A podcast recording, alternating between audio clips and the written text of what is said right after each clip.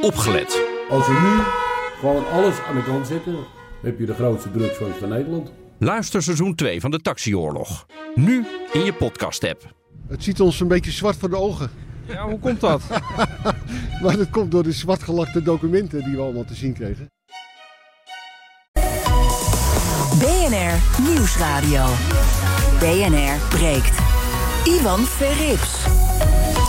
Goedemorgen en welkom bij BNR Breekt, de perfecte onderbreking van je werkdag. Nog uh, 86 dagen tot kerst. Maar daar gaan we het verder niet over hebben vandaag. Vanaf half twaalf praat ik over het nieuws van de dag. Over online gokken. Vanaf morgen is dat legaal. Over de krapte op de arbeidsmarkt. Dat kan opgelost worden door meer te gaan werken. Joepie, nog meer. Over polsbandjes in de horeca. En natuurlijk...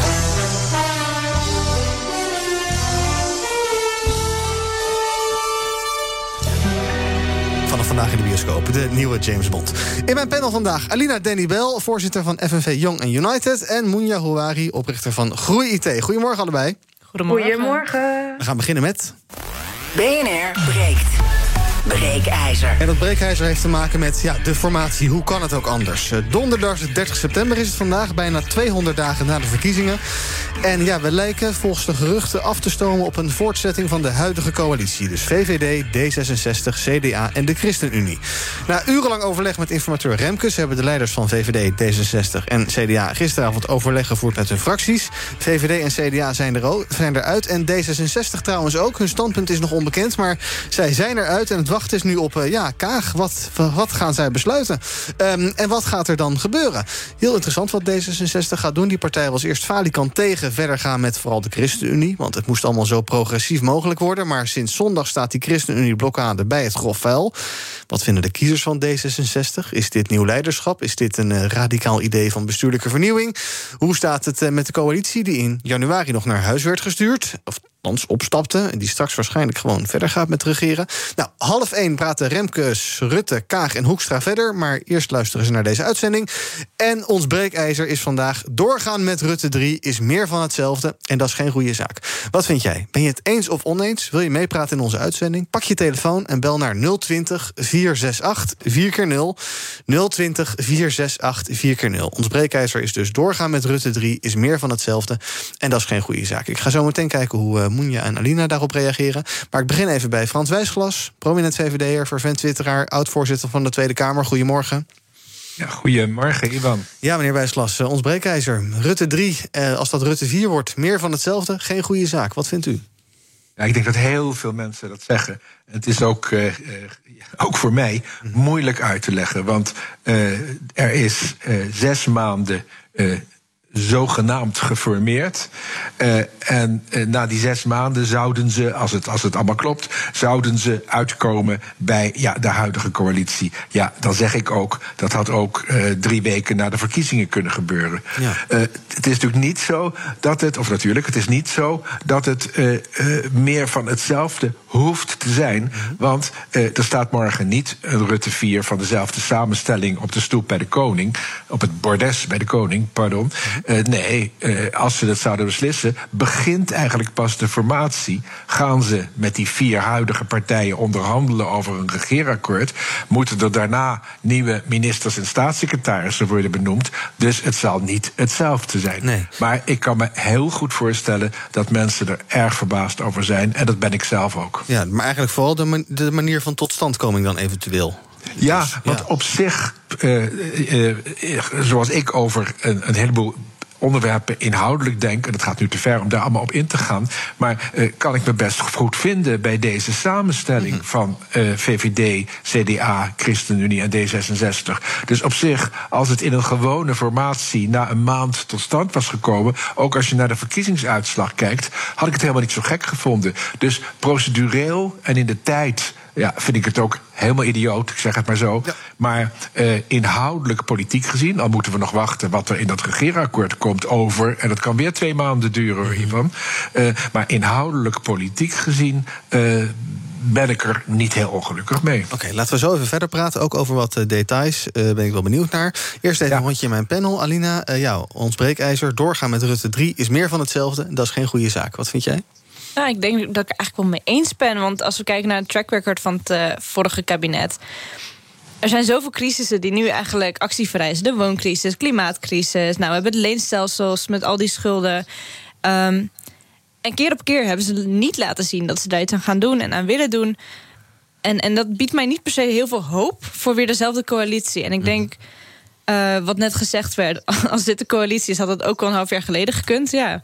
Misschien ook wel. Ja, en, maar inhoudelijk heb jij ook weinig fiducie erin dat, dit, uh, ja, dat, dat zij nu daadkracht kunnen tonen. Dat zij de grote problemen van deze tijd, deze partijen, dat die dat in zo'n constellatie kunnen aanpakken. Ja, ik, ik denk, want er is nu heel veel nodig. En ze hebben niet laten zien, niet bewezen dat ze dat gingen doen de afgelopen vier jaar. Terwijl toen de tijd ook al aan het dringen was. Ja. Um, Moenja, hoe kijk jij er met je ondernemershart naar? Nou, helemaal mee eens. Als je dan bijvoorbeeld kijkt naar inderdaad het stukje leiderschap. En dan met name het stukje betrokkenheid en verantwoordelijkheidsgevoel. Dat heeft gewoon niemand getoond tot nu toe. Mhm. En als dit alleen al de manier is om uh, met elkaar te kijken hoe gaan we samenwerken. Ik geloof niet dat zij dingen gaan doen die echt impactvol zijn voor Nederland. Dus ik heb er eerlijk gezegd geen vertrouwen in. Ja. Als dit al uh, zo dramatisch moet gaan, laat staan. Als ze zo meteen echte kwesties uh, moeten gaan oppakken waar ze eigenlijk nu al te laat mee zijn. Zoals inderdaad de thema's die net genoemd werden. Ja. Ik ga een paar bellers aan het woord laten. Even kijken hoe zij erover denken. Uh, wil je ook meepraten? 020 468 4 0 Dat is ons telefoonnummer. Kan ongeveer tot de half twaalf. En ons breekijzer vandaag is doorgaan met Rutte 3 is meer van hetzelfde. En dat is geen goede zaak. meneer Jochems, goedemorgen. Goedemorgen. Zegt u het maar. Um, ik denk dat het wel kans heeft programmatisch met dezelfde partijen. Mm -hmm. Maar dan zou je de bewindslieden compleet moeten veranderen. Want het bleek vaak in de personen te zitten die onwillig waren. Ja. Als je naar de programma's kijkt, dan ligt het dicht bij elkaar. Ja, dus je moet niet dezelfde poppetjes terug laten keren in het kabinet. Inderdaad, je hebt een minister Blok die op alle departementen heeft gezeten en slecht heeft overgedragen, noem allemaal op. Dat is allemaal hetzelfde. Ja. Vervang dat, want je ziet gewoon dat die generatie die uh, samen gewerkt hebben. Dus Sofie Hermans uh, met D66. Dat werkte goed mm -hmm. om dat programma te maken. Zolang uh, Mark Rutte en de VVD oud-bewindslieden, dus die wil ik dan de, de dinosaurussen zich er maar niet mee bemoeien. Ja. en en meneer Rutte zelf en mevrouw Kaag, die gaan dan toch wel weer terugkeren, vrees ik zomaar. Meneer Hoekstra, ja. Oh, Rutte is zo flexibel als wat. -huh. Dus die, laat die het nou uh, eventueel maar gewoon managen. Ja. Maar met een nieuwe ploeg zal hij zich aanpassen aan de stijl en een nieuwe elan van nieuwe mensen. Ja, duidelijk, dank u wel. Meneer Huigens, goedemorgen. Ja, goedemorgen. Op de vraag die u stelt, ik heb er nog geen fiducie in. Hm. Waarom niet? Want Kaag heeft enorm lang uh, vastgehouden wat of ze wil. Dus dat is als het ware het eigen belang boven het algemeen belang. Of anders gezegd, ze, ze zat op een stokpaardje en een stokpaardje, daar is ze vanaf gehaald. Maar is dat nou vrijwillig gegaan? Of is dat gedwongen? Heeft er afscheid van genomen? Want dan is het natuurlijk, dan staat een stokpaardje nog achter de stoel. Dus zolang ze geen uh, zadelpijn gekregen heeft van een stokpaardje bereiden, geen fiducie erin. Ja, maar, maar het is misschien ook wel groot dat zij als eerste zo'n stap heeft durven zetten. Ja, dat weet ik wel, maar dat had ze natuurlijk eh, veel eerder moeten doen. Ja, had ze het eerder moeten doen. Oké, ik ga zo meteen naar Bart en ook nog even naar uh, Mick die aan het bellen is. Um, uh, meneer Wijsglas, ik hoor één ja. persoon, Gert, die zegt... ja, de poppetjes, dat moet wel helemaal anders. Je kan niet verder met, nou ja, de, de, de, meneer Blok werd genoemd... maar met de namen die er nu zitten. Ja, ben ik het wel mee eens. Uh, ook wat werd gezegd over, over Rutte. Uh, dat ja, die als manager, leider van een kabinet, dat heeft hij. En natuurlijk heb ik ook, ik ben lid van de VVD, maar ik heb ook kritiek op, op dingen van Rutte, natuurlijk. Uh, maar al met al heeft hij het tien jaar toch knap gedaan. Dus ik heb geen bezwaar. Andere mensen denken er anders over, dat weet ik. Maar ik heb geen bezwaar tegen Rutte als premier. Maar veel van de, van de nu zittende bewindslieden, die zullen echt niet moeten terugkomen. Je moet echt aantonen, en ik ga niet namen noemen van die wel en die niet. Jammer. Uh, dat zou ook een beetje met het losse pols zijn. Maar uh, veel van de nu zittende bewindslieden, uh, dat zou goed zijn als er nieuw elan komt in dat, dat nieuwe kabinet van de huidige partijen. Als het doorgaat, zeg ik er weer bij. Ja. ook in de personele bezetting. En ik zou het heel goed vinden als in ieder geval de fractievoorzitters van de drie partijen, eh, behalve de partij die de premier dan levert. Uh, uh, en eigenlijk zou het ook goed zijn als die in de Kamer zou blijven. Mm -hmm. Maar ik zou het goed vinden als Kaag, Hoekstra, en Segers, en Segers heeft dat al gedaan de afgelopen vier jaar, heel goed van hem, in de Kamer blijven. En dan kunnen ze een beetje de, de Bolkestein-rol van vroeger, als mensen dat nog weten, uh, spelen. Ja. Uh, of niet spelen, zijn. Probeer, constructief, constructief, hard oppositie, niet oppositie, constructief, hard het geluid van de partij vanuit de Kamer laten horen. Ik zou het prachtig vinden. Het zou voor mevrouw Van Kaag een hele goede leerschool zijn. Ja, probeert u nou een beetje de politiek leiders, behalve meneer Rutte, onschadelijk te maken? Of interpreteer ik dat verkeerd? Nee, nee, nee, nee, echt niet. Want ik Oh, zit niet. Jullie hebben me gevraagd als deskundige. en ik zit niet zo in, in, de, in, in, in mijn vel, zou ik maar zeggen. Zeker niet. Nee, echt niet. Nee, ik vind er is een traditie in Nederland dat de grootste partij de premier levert. Ja, er moet heel wat gebeuren om die traditie te doorbreken, vind ik. Ja, en de VVD is het er nou eenmaal intern over eens eh, dat dat eh, Rutte moet zijn. Maar. eh, als oud-Kamervoorzitter vooral vind ik het heel belangrijk dat de Kamer echt dualistisch werkt. En dat kan je enorm stimuleren door, eh, door politiek leiders niet in het kabinet, maar in de Tweede Kamer te laten zitten. Dat is de gedachte die ik BNR breekt. Ivan Verrips. Sorry, meneer Wijslas, ik praat even door me heen. Eh BNR breekt met vandaag in mijn panel Moenja Houari van Groei IT... Alina Danny Bel van FNV Young United... Frans Wijsglas, die we net eh, ruw onderbraken... oud-voorzitter van de Tweede Kamer. niks. Oh, dank. En we praten over ons breekijzer. Doorgaan met Rutte 3 is meer van hetzelfde... en dat is geen goede zaak. Wil je reageren, pak je telefoon en bel naar 020 468 4 keer 0 Alina, denk jij dat ehm, ehm, eh, D66 dit kan verkopen naar de achterban? Want die partij heeft heel lang gezegd... ja, we willen een meer progressief kabinet. Eh, graag met eh, PvdA en GroenLinks erin, als het even kan. Eh, dat, daar hebben misschien kiezers ook wel mm, bij gedacht. Dat je dacht van, nou, ik wil, we willen progressiever. ChristenUnie niet meer. Ja, dit wordt wel heel spannend voor mevrouw Kaag. Als ze dit gaan doen, hè. we weten dus, de fractie is eruit... maar wat ze vinden, weten we nog niet. We gaan er nu mm, voor het gemak maar even vanuit... dat we misschien doorgaan met Rutte 4... met dezelfde partij als bij Rutte 3. Misschien is wel helemaal anders. Nou, dat zien we dan wel. Ehm, eh, ja, hoe, hoe is dat voor D66, denk jij? Nou, ik denk dat als we gewoon kijken naar het spelletje zelf... en, en niet dat dat per se een goed spel is... maar als we gewoon kijken, dan heeft de 60 eigenlijk best wel goed gedaan. Ehm, kijk alleen al naar... ze hebben PvdA GroenLinks geprobeerd. Ik bedoel, kijk naar het eh, akkoord op hoofdlijnen... Eh, en dat werd natuurlijk geblokkeerd door CDA en VVD. Daarna had je Kaag die, die zeg maar aan de belofte hield... dat als ze een motie van afkeuring kreeg, dat ze opstapt. Nou, dat heeft ze weer in april zeg maar, gezegd dat ze dat zou doen. Dat ze dat zo wel zou weten. En kijk nu, zeg maar, ze zitten nu op een. Ze zitten vast. En nu zet D66 weer de eerste, eerste stap. Ik denk dat dat naar de achterban echt heel goed te verkopen valt. Ehm, het enige is alleen. Waar gaan we nu naar, naartoe? En, Ja. en wat gaat er gebeuren? Ik heb zelf geen idee. Ik ben heel benieuwd. Ja, ja, ja, ja. ja. Ehm, M- M- Moenja, welke eh, combinatie zou jij wel graag zien? Of wat zou jij wel, wel graag zien als uitkomst van een, eh, van een formatieproces? Nou, op zich, de combinatie waar we het net over hadden met deze partijen is niet zozeer mis eh, qua inhoud. Het is wel wat de eerste beller ook zei: het gaat meer over de poppetjes. Ja. En ik zit vooral daarnaar te kijken, want die poppetjes bepalen wel het patroon en de manier van werken en hoe ze tot een succes komen. En het zit hem niet zozeer in de inhoudelijke programma's, even los van eh, waar D66 dan mee komt. Eh, dus ik zou vooral kijken naar de mensen eh, die hier doorslaggevend in zijn en of ze de juiste daadkracht hebben die nodig is. Bart, goedemorgen. Hallo. Hallo, zeg het maar. Oh, goeiedag. Ja, met Bart. Eh, ik vind dat de, de huidige situatie zo die nu is gewoon door moet gaan. Want Rutte is natuurlijk gewoon ergens een eh, man die goed overal verstand van heeft. En die foutjes die hij gemaakt heeft, nou, die zal een ander ook weer maken. Ik vind gewoon dat hij het al die jaren eh, dit land en eh, met zo'n crisis als van corona, hoe hij dat opgelost heeft. Nou, fantastisch. Ja, dus wat u betreft gaat hij door. En die, schreeuw, ja, die schreeuwlelijken langs de kant, die allemaal staan te gillen. Nou, als het moeten gaan doen, nou, doe dan maar een grote ketting om het hek van een slot op de ketting van Nederland. Dan is het over. Ja, dan laat u het graag bij meneer Rutte liggen, duidelijk. Dank u wel. Mick, goedemorgen. Mick?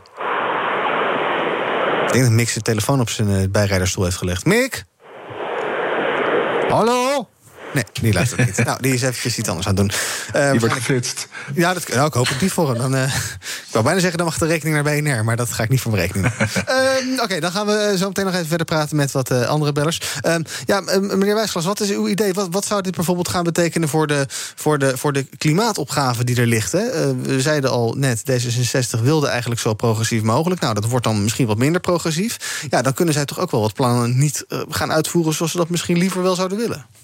Ja, wat interessante vind ik dat als je kijkt naar de algemeen politieke beschouwingen van de tijd gaat zo snel, vorige week was dat. Ja. Eh, de, eh, als je daarnaar kijkt, dan zie je in de Kamer eh, toch een, een, een, een verandering ten goede, vind ik, in de richting van een ja, klimaatbeleid wat er meer toe doet. Een meer uh, progressief, als je het zo wil noemen, klimaatbeleid.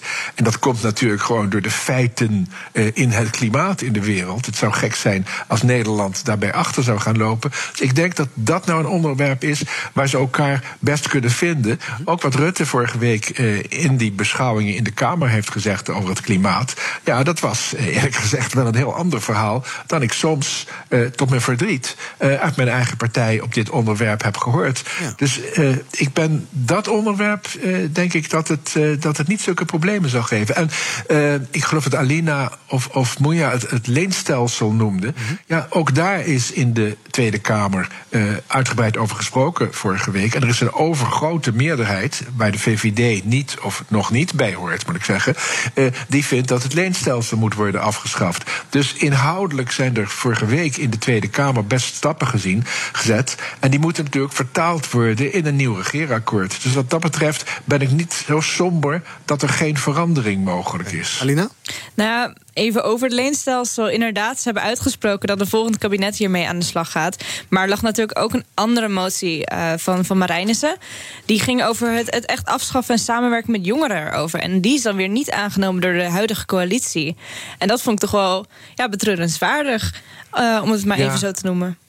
Ja, dat is waar. Maar, maar u, je, als ik het mag zeggen, kunt toch niet ontkennen dat er wel op het terrein van het leenstelsel, waar andere partijen, waaronder het CDA, eh, helemaal niks van wilden weten om dat af te schaffen, dat er wel een stap is gezet. Dus Klopt. je ziet, zonder nou al die onderwerpen diepgaand te bespreken, daar hebben we nu ook geen tijd voor. Je ziet toch wel uh, in de Kamer, en dat vind ik ook interessant, dat het in, de inhoud kwam uit de Kamer vorige week. Niet uit het demissionaire kabinet, maar uit de Kamer.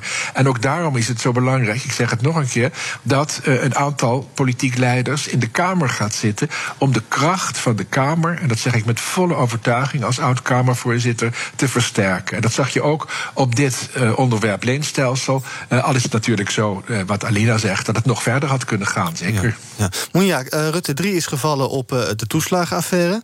vandaag in het nieuws ja. dat die afhandeling nog steeds traag en complex verloopt. RTL Nieuws schrijft dat. In totaal hebben nu zo'n 4000 gedupeerden een beoordeling gehad. Dat, hadden, dat zijn er veel minder dan gepland. Ja, stel je bent een van die toeslagenouders en je bent ik zeg het maar even, ondiplomatiek genaaid door, uh, door, door, de staat. Um, uh, ja, hoe, hoe kijk je hier dan naar? Dat, dat, dat, dat, dat we in dezelfde constellatie waarschijnlijk doorgaan?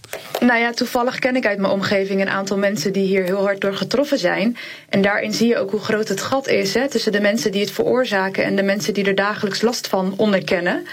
Uh, en dat vertrouwen is natuurlijk al lang al weg. En hiermee vind je het niet terug. Nee. Dus ik denk ook dat, dat, dat, het, dat het gebrek aan vertrouwen wordt alleen maar groter. Ja. ja. Uh, en dat is diep triest, hè, want het zijn ook de mensen die, uh, die iets verkeerds hebben gedaan, die hun excuses moeten aanbieden en vervolgens moeten corrigeren. En dan zie je dat ze op alle vlakken gewoon steken laten vallen. Remco, goedemorgen. Goedemorgen, met Remco. Zeg het maar. Ja, ik wilde even reageren op de, op de stelling van meneer Wijsglas. Ik snap natuurlijk dat hij uh, Rutte in bescherming neemt en, en hem niet afvalt. Maar ik denk dat een groot deel van Nederland wel degelijk Rutte vervangen zou willen worden.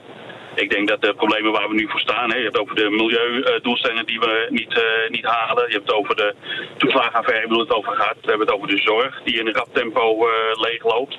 Ik denk dat we wel degelijk een kabinet nodig hebben met een sterke leider en, en geen manager.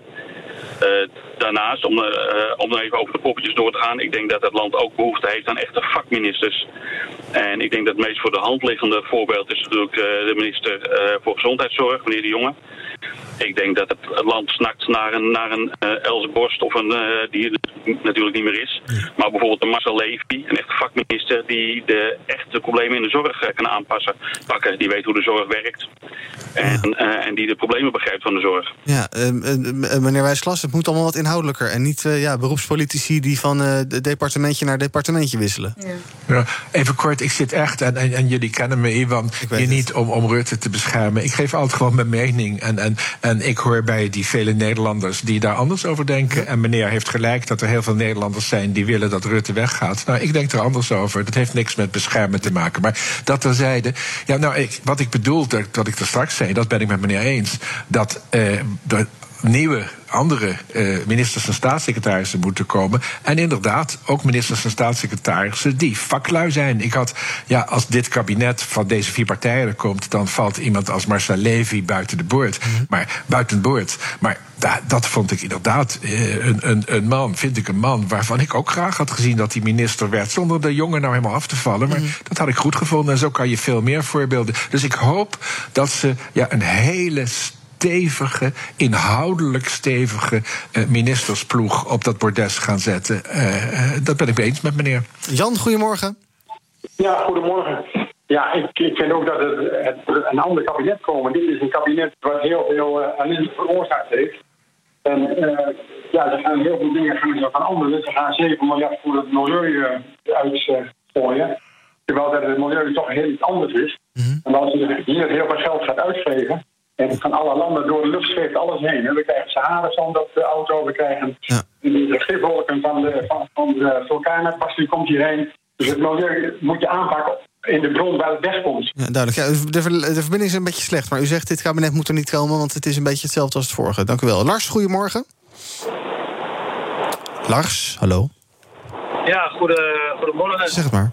Ik, ik ben wel oneens eigenlijk. Ik denk dat dit kabinet ook kan blijven zitten. Het is natuurlijk een blamage hoe het gegaan is. Ik had verwacht dat ze met een week of drie, vier wel weer aan de gang waren. Mhm. Maar, um, maar ik denk dat er veel te veel gekeken wordt naar ministers. En, en, en uh, hoe belangrijk is nou een minister? Natuurlijk is het belangrijk, maar, maar is de achterban, de minister, uh, niet, niet, niet het, het, die, diegene die het beleid maakt? Ja, dus u kijkt te veel naar de poppetjes, zegt u.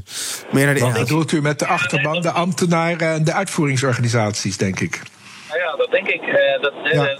een minister alleen kan het niet, niet altijd die, die, die bedenkt ook niet alles. Uh, maar in Nederland vinden we altijd maar meteen dat er een oh, oh. Die, die eindverantwoordelijk, maar um, ja, moet je, daar, moet je ze altijd meteen, meteen afschieten als, uh, als er fout, fouten gemaakt worden. En ja, er worden fouten gemaakt, dat ben ik met iedereen eens. En ook heel erg.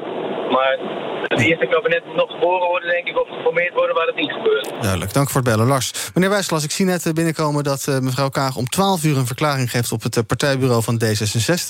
Nou, ik ga u Want ze geen rekening houden met de uitzendtijden van BNR. Ja, dat proberen we. Nou ja, dat doet ze natuurlijk. Ze wacht eerst deze uitzending af om te kijken wat, wij, wat u ervan ah. vindt ook. En dan maakt zij een besluit. Dus dat is allemaal nog uh, vloeibaar. Um, ja. Nou, ga ik toch even vragen, uh, uw glazen bol. is er een kans dat D66 zegt, nou, we gaan het niet doen, want ja, we denken dat het toch te ingewikkeld is voor de achterban? Of gaat het er gewoon van komen? Ik denk dat die kans er zeker is. Nee. Ik durf, ik durf op dit punt nu geen voorspelling te doen. Nee. Ze hebben lang vergaderd gisteren. Ze waren de enige fractie die er gisteren niet uitkwam. Mm -hmm. uh, VVD, CDA waren vrij snel, snel klaar. Kan je je ook wel voorstellen. Uh, vanochtend hebben ze Ik weet het echt niet. En, en, als je je verplaatst in, in de situatie van D66, is het hartstikke moeilijk voor ze. Mag ik nog heel kort iets zeggen over Zeker. de laatste inbeller? Want dat vond ik heel interessant. Ik ben het helemaal eens met meneer dat. Uh, uh, uitvoeringsorganisaties, ambtenaren, dat daar ook een nieuwe cultuur moet komen. Uh, de toeslagenaffaire, natuurlijk de ministers, ook Rutte, zijn daar politiek volledig verantwoordelijk voor. En het is, het is terecht dat ze zijn afgetreden. Maar er zit natuurlijk ook een grote ambtelijke wolk achter. Dat hebben we gezien in, het, in de parlementaire onderzoekcommissie, uitvoeringsorganisaties. En daar moet heel, heel veel gebeuren om dat efficiënter en vooral menselijker te maken. En dat is ja, echt een hoofdopgave voor het nieuwe kabinet. Duidelijk. Dank, Frans Wijsglas, oud-voorzitter van de Tweede Kamer. En zometeen praat ik verder met mijn panel, met uh, Alina en met Moenja, over uh, meer werken voor minder loon. Nou, dat klinkt als een topidee.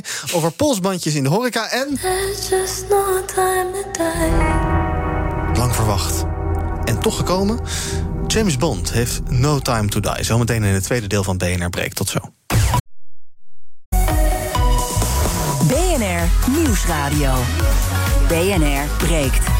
Ivan Verrips. Goedemorgen en welkom terug bij BNR Breekt. Tweede deel iets korter dan normaal, want zometeen om 12 uur gaan we luisteren naar Sigrid Kaag. Die gaat een verklaring geven op het uh, kantoor van uh, D66. Dat allemaal straks om 12 uur. Um, in mijn panel vandaag Alina Denny Bel, voorzitter van FNV Young United. En ook Mounja Houari, zij is oprichter van Groei IT. We praten over het nieuws van de dag. Um, we beginnen met um, wat coronanieuws. Waku Waku. Ja, ik moet nog steeds denken aan dat spelletje met uh, Paula Udondek en dergelijke. Maar daar gaat het niet over. Het gaat om dat restaurant in Utrecht. Donderdagmiddag gaat de rechter uitspraak doen over het kort geding dat zij aangespannen hadden. Ehm, het restaurant moest dinsdag dicht. Het weigert namelijk om QR-codes te controleren, corona-toegangsbewijs. Um, ondanks de sluiting bleef het restaurant toch open. Werd begrip getoond. Mensen die kwamen daar protesteren, demonstreren. er waren donaties opgehaald voor een crowdfunding. Er is al meer dan twee ton opgehaald om dat restaurant dus te steunen. nou, de zitting was dus vanochtend 10 uur. Donderdagmiddag vanmiddag dus uitspraak. En ja, Alina, er komen iedere avond uh, mensen demonstreren bij dat Wakku Wakku. Die willen de eigenaar steunen. Uh, die zeggen, ja, ik, hoe, hoe, kijk je daarnaar? Strijden zij voor grondrechten om niet mee te moeten doen aan de... Nou, ik neem maar even hun teksten over aan de QR-dictatuur, dat soort zaken.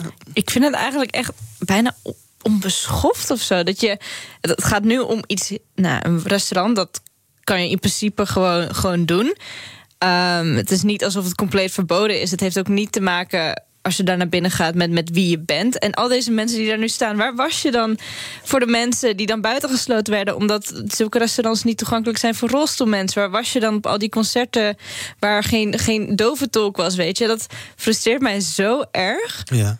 Ja. Dus geen begrip bij jou? Nee, absoluut niet. Nee. Verbaast het jou, uh, Moenja, dat Waku Waku zoveel steun krijgt? Nou, op zich niet, hè, want je hebt uh, heel de coronacrisis natuurlijk uh, iedereen gezien met een uh, conspiracy theory. En die groep werd ook steeds groter. Dus op zich verbaast het me niet dat mensen steun betuigen. Maar ik vind het ook respectloos. Ik bedoel, we hebben de regels. Die regels zijn er niet voor niets. Die zijn er juist om ervoor te zorgen dat dit behapbaar is en grijpbaar wordt. Uh, hoe complex de situatie ook is. Dus ja, weet je, als je uh, wil gaan eten, of je nou bent of keert, ga je vaccineren of doe een PCR-test als je er tegen bent. En dan kan je daar zitten. Dat zijn nou eenmaal de regels. Ja. Dus ik vind eigenlijk een beetje, ja, volgens mij hebben die mensen niks te doen en hebben wij een groot tekort aan personeel. Dus ik zou eerder denken, joh, uh, besteed je tijd beter. Ja, doe een schortje om en ga lekker werken. Dat is schiet Ja, precies. We hebben grote tekorten. Ja. Aan de andere kant, uh, even uh, toch proberen of je helemaal geen begrip kan hebben voor die, voor die demonstranten die dus zeggen: ja, als je dus geen QR-code hebt, om welke reden dan ook, dan kan je dus restaurants niet meer binnen, dan kan je bioscopen niet meer binnen, kan je niet naar James Bond, kan je niet meer naar allerlei andere dingen. ja, zij denken, zij vinden dit is een, dit is een principieel iets. Dit zorgt voor een tweedeling in de maatschappij. Heb je daar helemaal ja, geen. Maar je hebt gewoon recht om je te laten testen. En je kan je ook vaccineren. Kijk, als je tegen vaccineren bent, dan kan je ook gewoon een test doen. Ja. Ja. Dus het is niet zo dat je niet de kans krijgt om niet mee te doen. Jij kiest ervoor om voor bij een groep te horen. Dus jouw eigen keuze. Ja, ja en als je het echt wil veranderen, stap dan naar de politiek. Ga die lobby aan. Ga, ga, ga concreet acties doen, weet je. Die weg is er ook. Maar, ja. maar zeg maar, je kan het veranderen. En dat is zeg maar, het heeft niks te maken met iets dat je niet kan veranderen. En dat vind ik eigenlijk het meest bizarre. Als je minder vaak een QR-code wil scannen, kan je ook een uh, polsbandje omdoen in de horeca. Dit weekend uh, kwam je, uh, nou ja, die kroegen natuurlijk niet binnen met die QR-code. Maar er zijn ook experimenten met, met polsbandjes. Na het tonen van je QR-code kan je dan toegang krijgen tot een horecagelegenheid in een bepaald gebied. En hoef je niet steeds te scannen. Alkmaar paste de methode al toe. En ook de ChristenUnie daar vindt hem prima. Maar. Hij is nu ingevoerd. Maar laten we dan hem zo uitvoeren hier lokaal. dat hij voor zo weinig mogelijk onderscheid zorgt. Ja, dat vertelde de fractieleider van de ChristenUnie in Zwolle, Gerdien Rots is dat. Um, vind je het een goed idee, uh, Alina, dat je zegt van nou, je gaat naar één punt, één centraal punt in een stad of in een dorp. Daar laat je die avond uh, uh, je QR-code zien, dan krijg je zo'n polsbandje en dan kan je lekker op kroegentocht helemaal naar de kloten. Ja, ik, ik hoor het nu voor het eerst, maar ik denk, oh, ja, op zich. Het is ook alsof je een festivalterrein op gaat. Heb je ook een polsbandje om. Het enige is, polsbandjes zijn wel moeilijk te vervalsen. Ja. of makkelijk te vervalsen. Maar um, als het werkt, waarom niet? Ja, nou, ze hebben natuurlijk wel eens van die strips dat, als je, dat je hem niet lekker los kan maken aan iemand anders kan geven. Uh, vind jij dat uh, het demissionaire kabinet trouwens vindt het ook prima als gemeenten dit gaan doen? Bandje moet dan 24 uur geldig zijn. Ik weet niet hoe dat moet. Misschien moet hij zichzelf vernietigen na 24 uur. Um, ja. Schrijft uh, minister Grapperhaus in een brief aan de burgemeesters. Um, Moja, vind, vind jij het goed dat Grapperhaus in dit soort voorstellen meebuigt? Of is dan een beetje het hek van de dam en wat, wat, wat ga je dan nog meer ja, gedogen? Ja, ik denk, ik, ik vind het, uh, ik weet niet zo goed wat ik moet vinden ook van uh, een polsbandje.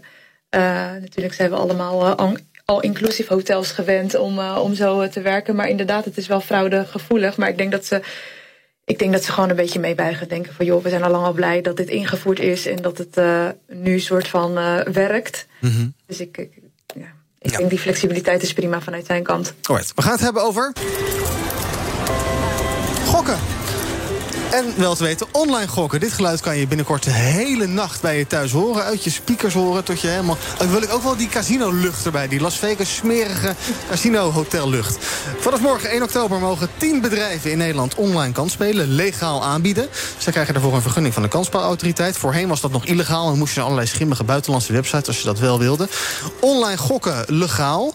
Uh, Dennis, zit je al, uh, Alina, zit je al te wachten met, uh, ja, met je euro's in je, in je ideal in je hand... om daar honderden euro's uit te gaan geven? Nee, ik ben niet zo van te gokken. De enige keer dat ik in een, uh, in een casino was... Om, is om daar theater te bezoeken voor een show. Ja. dus nee, ja, ik, nee. Nee. Uh, Moenja, uh, nou, weet je wat ik erg vond? Ja? Ik las dit artikel en toen dacht ik... oh, ik wist niet eens dat het illegaal was. Dus dan zie je maar dat ik uh, helemaal er ver van af sta. Ja. Ik had wel zoiets van... want het ging natuurlijk ook over die kwetsbare groep... en hoe gaan we dat dan ja, ervoor zorgen dat er geen grotere verslavingen komen. Mm -hmm. Ik was wel benieuwd naar een stukje toezicht. Want ik heb een zoontje van 7 en die zit op TikTok. Nou, dat mag volgens mij ook pas vanaf 12 of 18. En ik kwam er dus achter dat hij gewoon een geboortedatum dan verkeerd doet. En ja. had een mailadres gemaakt. En denk ik, mijn god, ben je 7? Dus ik hartstikke boos natuurlijk. -huh. Maar toen dacht ik, als die kinderen zo slim zijn en zo digitaal vaardig. en je krijgt zo meteen de kans om dit soort spelletjes te doen. en je bent 15, 16 en kwetsbaar. Ik, ik maak me daar wel zorgen over. Ja, en we weten natuurlijk, de gokindustrie is goed in het verleiden van mensen. en in het maken van ja. lekkere reclames. met allemaal leuke fruitdingetjes die je opkleur, oplichten. als je goede dingen, als je leuke dingen doet. Uh, dus, dat, dus dat baart je wel zorgen. Zou, vind je het überhaupt, was het überhaupt nodig, Alina, dat dit, dat dit legaal zou worden? Want ja, je zou ook kunnen zeggen, gokken. het is misschien net als, ik zeg maar even alcohol en uh, roken, weet allemaal dat het misschien niet zo verstandig is. Uh, ja, moet je dat dan verder gaan reguleren? Nou, het, wordt al, het gebeurt al, hè, zeg maar, het online gokken. Het, het, gebeurt alleen nu niet legaal. En als je het nu legaal maakt, dan kun je het ook gaan reguleren. En, en ik denk dat dat vooral belangrijk is. Dat, dat die regulatie er komt. Dat we ook, ook binnen Nederland het kunnen reguleren. In plaats van dat er van buitenaf, zeg maar, hier allemaal dingen op uh, afkomen. Mm -hmm. um, ja, het is eigenlijk hetzelfde met drugs. Legaliseren, dan kun je het reguleren. Um, maar het is niet per se goed voor de mensen als ze nee. toegang tot hier nee. hebben. Nee, ja, behandelaars inderdaad, ik zei het al, die vrezen dus voor een hoos aan gokreclames. Dus moet, jij moet heel erg gaan opletten met, met je kinderen. Je moet dus opletten met wie ze chatten. Je moet opletten ja. met wie ze foto's uh, delen. Je moet opletten wat ze op TikTok doen. En je moet ook nog even opletten dat ze niet per ongeluk je hele creditcard leegroven. En dan willen de werkgevers ook nog eens dat we meer gaan werken. Ja, daar gaan we het zo meteen over Hoe gaan we dit doen? Ja, ja, ja. Alright. Um, ik weet eigenlijk niet of Thomas er al is... maar wij zouden eventjes gaan kijken zometeen wat er in zaken doen is. Nou, die is namelijk niet vandaag hier in Amsterdam. Die is ergens op locatie, dus dat gaan we zo meteen horen. Uh, laten we dan uh, eventjes uh, gelijk over dat, over dat werken praten. AWVN, de werkgeversorganisatie, die zegt dat we met z'n allen... meer uren moeten gaan draaien dan we nu doen. Op die manier kunnen we de personeelstekorten beter oplossen. Um, Raymond Puts van de AWVN, die ziet in meer loon... niet het ei van Columbus. Maar we moeten niet in de valkuil stappen dat we denken dat we door stijging of extra stijging van lonen de, de problematiek oplossen. Daar moeten we echt andere dingen voor doen. Ja, dus uh, meer loon is het niet, maar meer werk is het wel. Uh, ik hoorde al in het nieuws net om half twaalf dat uh, de vakbonden het daar niet mee eens zijn, gek genoeg. Alina, meer werk, is dat een goed idee? Om, nee. Ah ja, het is heel veel vraag naar werk, dus ja, waarom zou je niet een paar uurtjes meer gaan werken? Nee, het lijkt me echt, echt het domste idee eigenlijk dat we tot nu toe hebben gehad. Uh, we zien ook onder jongeren, daar is helemaal geen bereidheid voor. Uh, die lonen moeten omhoog. En daarbij moet ook, ook het, het, plezier in het werk, denk ik, ook omhoog. Uh, maar we moeten ook eens kritisch gaan kijken naar, naar ons, onszelf in de arbeidsmarkt. En gaan kijken welke banen zijn nu, nu echt van belang. En, want als je op een baan werkt die misschien niet heel veel nut heeft voor, mm -hmm. voor onze samenleving. Nou, die persoon die kan ook ergens anders werken, bijvoorbeeld. Ja. Maar, maar langere, langere werkdagen en werkuren, dat is het niet. Nee. Moeja, jij zit in de IT. Je hebt vast ook uh, nou, uh, vraag om personeel. Zou het zin hebben als uh, mensen die voor jou werken of die met jou werken... als die nou, allemaal een paar uurtjes per week extra gaan werken? Zou dat al helpen? Of niet echt? Nou, nee joh, want het is een probleem voor de lange termijn. Hè. Je ziet dat de generatie van nu heel veel waarde hecht aan privé-werkbalans... Mm-hmm. Je ziet dat uh, burn-out uh, steeds heftiger worden. Dus ik ben bang juist als je mensen soort van uh, vraagt of dwingt om meer uur te maken, dat je dan een probleem creëert voor op de lange termijn. Uh, dus dan schrijven we het op. Ik vind hoge lonen ook geen oplossing, zeker niet in de IT. Want als ik, zie naar, als ik kijk naar de ontwikkelingen van de afgelopen maanden en wat mensen daar verdienen, het is te belachelijk voor woorden. Zo extreem hoog zijn de salarissen daar. Ik zou eerder de oplossing zoeken in die grote groep mensen die werkloos is, of ja. die doelgroep boven de 50, die graag aan de bak wil, maar de kans niet krijgt. Want er is nog steeds sprake van heel veel arbeidsdiscriminatie. Uh, als het gaat om leeftijden. Maar die staan wel te popelen. Dus ga daar iets mee doen. Ga mensen omscholen. Zij instromers omarmen. Uh, uh, ik denk dat we daar veel sneller resultaat kunnen boeken dan A, lonen omhoog. Want lonen omhoog betekent ook uh, dat de werkgevers meer moeten factureren. Dus dan hou je gewoon een bepaald probleem in stand. Mm -hmm. En B, je mensen moeten ook tijd hebben om op te laden, zodat ze het werk goed en effectief kunnen doen. Anders zijn ze er. Maar zijn ze er niet echt? Dat heeft ook weer geen toegevoegde waarde voor het werk. Geen 60 uur werkweek bij Groei IT dus. BNR breekt. Met zometeen over een paar minuutjes al Thomas van Zelf. Uh, die presenteert BNR Zaken doen, maar je bent niet hier in Amsterdam. Waar ben je, Thomas? In Heerlen, op de Brightlands Campus. Bestaat nu vijf jaar. Een bolwerk van allemaal innovativiteit. Zowel academisch als daar waar het gaat over uh, ondernemerschap. Ja, ik sta nog een beetje uit te hijgen, want de trein reed niet. En ik heb geen rijbewijs. Dus het is wonderlijk dat ik er toch ben gekomen. Hoe ik dat voor elkaar uh, gekregen heb, nou, dat is misschien een verhaal apart. Maar goed, ik ben er onder andere om te praten met Roel Veldmeijer van de Veldmeijer Groep. Vooral bekend van de arcadehallen in binnensteden, maar toch ook zeker op vakantieparken. Uh, die hebben geconstateerd dat er veel leegstand is in die binnensteden. En kunnen daarvan profiteren. Want zij hebben nog net genoeg geld om te zeggen van... hé, hey, dat is een interessante locatie, dat moeten we dan toch maar eens uh, overwegen. Over hoe je kunt groeien in coronatijd spreken wij zo meteen uitgebreid. Het gaat ook over AI, want we zijn hier op de Brightlands Campus. En AI is een belangrijk onderdeel van de innovatieve toekomst. Dus dat komt ter sprake.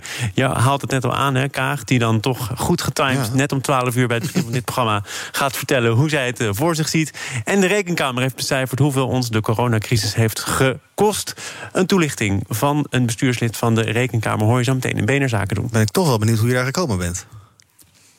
Ja, morgen. Morgen. Oh, morgen. Oh, dat vind ik leuk. Ik ga doorgeven van Nina. Alright, okay, dankjewel Thomas. Over een paar minuutjes dus al met Zaken doen. Kijken we even wat er trending is op de socials momenteel. Ja, na twee jaar wachten is daar dus eindelijk de nieuwe hashtag James Bond film.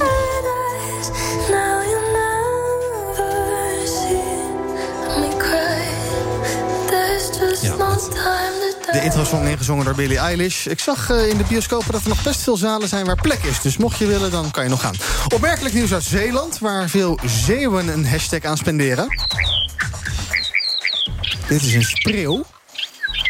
Die kakt de hele boel onder in Vlissingen. Bewoners zijn wanhopig, maar die vogels die laten zich niet verjagen. We zagen foto's van totaal ondergescheten vogels. Het is een beetje een bijzaak. We hebben nog overwogen om ons breekijzer eraan te wijden, maar toch maar niet gedaan. Op Twitter is ook hashtag Waku weer nummer 1 trending. Vandaag dus het kort geding. Vanmiddag al de uitspraak en uh, de formatiegesprekken. Uh, ja, ook hashtag nieuwe verkiezingen is dus populair. En over een minuutje of tien hier op deze zender dus uh, Sigrid Kaag... de leider van D66 met een verklaring. En dat gaat ongetwijfeld over wat ze in de fractie besloten hebben... aangaande hun standpunt uh, rondom het voorstel van wat meneer Remkes gedaan heeft. Um, we gaan nog even kijken wat uh, jullie zelf op was gevallen. Alina, jij wilde het hebben over het ministerie van VWS. zij hebben aangekondigd dat ze geen maatregelen nemen... tegen bedrijven die vaccinatiebewijzen eisen. Vind je dat raar? Ja, want het is illegaal om dat te vragen. Het, het hoort bij bijzondere gegevens. Um, en ze hebben nog geen wet ervoor aangepast. Ze hebben nog niks eraan gedaan om het legaal te maken. Mm -hmm. uh, en ondertussen worden wel heel veel mensen gevraagd... en moet zeg maar, de, werkge of de werknemer het maar onderling met de werkgever uitvechten... Ja, dat is toch bizar. Ja, en welke rol zou het ministerie dan moeten spelen? Zouden ze, of zou een inspectie een soort uh, meldpunt moeten hebben... waar je een klacht kan indienen als werknemer... en dat zij dan eventjes naar je werkgever gaan? Ik denk dat dat een start is, maar ze moeten gewoon gaan handhaven. Ja, ja. Want, want VWS zegt van ja, als, het, uh, als je je werkgever vraagt om een coronabewijs... dan ga je maar naar de rechter. Dat is toch ook een stap die, die logisch is? Als je het er ergens niet mee eens bent in ons land, ga je naar de rechter. Ja, maar het is raar dat je als, als individueel werknemer... Uh, dan naar de rechter moet. En ook zo massaal, zeg maar. Want er zijn heel veel, heel veel bedrijven die het nu vragen. En dat uh, het mag gewoon niet. Nee, inderdaad, je zei het al. Ik geloof dat Ticketmaster die wil graag dat je gevaccineerd bent. Leaseplan die uh, doet een soort morele oproep. Hoe ver vind je dat je daarin kan gaan? Nou ja, kijk. Ik denk gewoon... Als je, als, je, als je dat wil controleren, stap dan naar de politiek en zeg: maak het mogelijk. Ja, maak een wet. Ja. Maak een wet. En, en, tot die tijd kan het niet. Nee. nee. Uh, Moenja, bij, jij bij Groei IT uh, vereis jij nog dat de mensen. Uh, nou, ik weet überhaupt niet of er veel mensen op kantoor zijn, maar dat, dat die gevaccineerd zijn, of zeg je, joh, lekker eigen zaak? En, nee, nee, is echt wel eigen, eigen zaak. Ik vind het wel belangrijk als je klachten hebt, dat je gewoon thuis bent ja. en dat je wel gewoon er open en eerlijk over bent. Maar nee, en als we evenementen hebben, dan gaan we er wel op controleren natuurlijk. Ja. Maar ja, individueel. eh, nee, ik vind het ook best wel radicaal hoor. Als je tegen je medewerker zegt: van, als je het niet eens bent, moet je naar de rechter. Ik weet niet of. eh dat is ook helemaal niet bij ons land. Dus er moet wel iets komen, iets wat het overbrugt, misschien iets wat bij HR belegd moet worden, dat je daar wel het gesprek over aan kan gaan. Want ik merk wel bij werkgevers waar we komen dat er een soort grimmige sfeer ontstaat als je dan mensen op de werkvloer hebt die voor en tegen zijn. Ja. En bij sommige werkgevers zeggen ze ook: laten we niet over praten. Dus het doet wel iets op de werkvloer. Dus ik vind het wel belangrijk dat het wel open en eerlijk met elkaar besproken kan worden. En dat men niet zo geheimzinnig hoeft te doen. Dat, dat eh, valt mij wel op. Dankjewel. De laatste woorden van deze uitzending zijn van Mounja Houari, oprichter van Groei IT. En ook Alina Dennybel was bij me voorzitter van FNV Young and United. Morgen is BNR Breekt er weer, dan met Nina van den Dungen. Zometeen gaan we dus verder met eh, Zaken doen met Thomas van Zel... met om 12 uur die verklaring van Sigrid Kaag. Dus eh, blijf luisteren. Zometeen Thomas met Zaken doen en Sigrid Kaag. Nou, tot zo.